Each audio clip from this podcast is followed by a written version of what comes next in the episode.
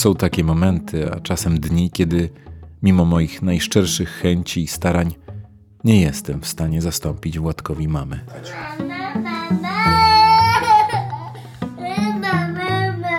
Mama wróci niedługo. Chodź, skakuj.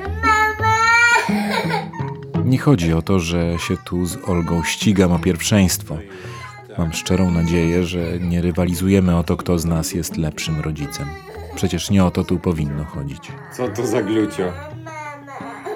ale po prostu i nie ukrywam, że mnie to zasmuca. Nie jestem w stanie dać mu tego, co daje mu mama. Hej.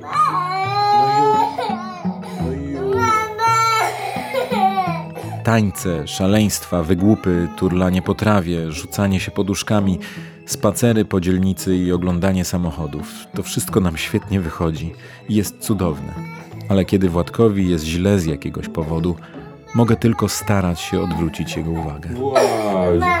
Przyniosę ci gryzącą witaminę, dobra? Czasem się udaje. Przyniosę ci gryzącą witaminę, okej? Tak. No. Na jakiś czas. Jestem tutaj z tobą, zaraz umyję brzuszek.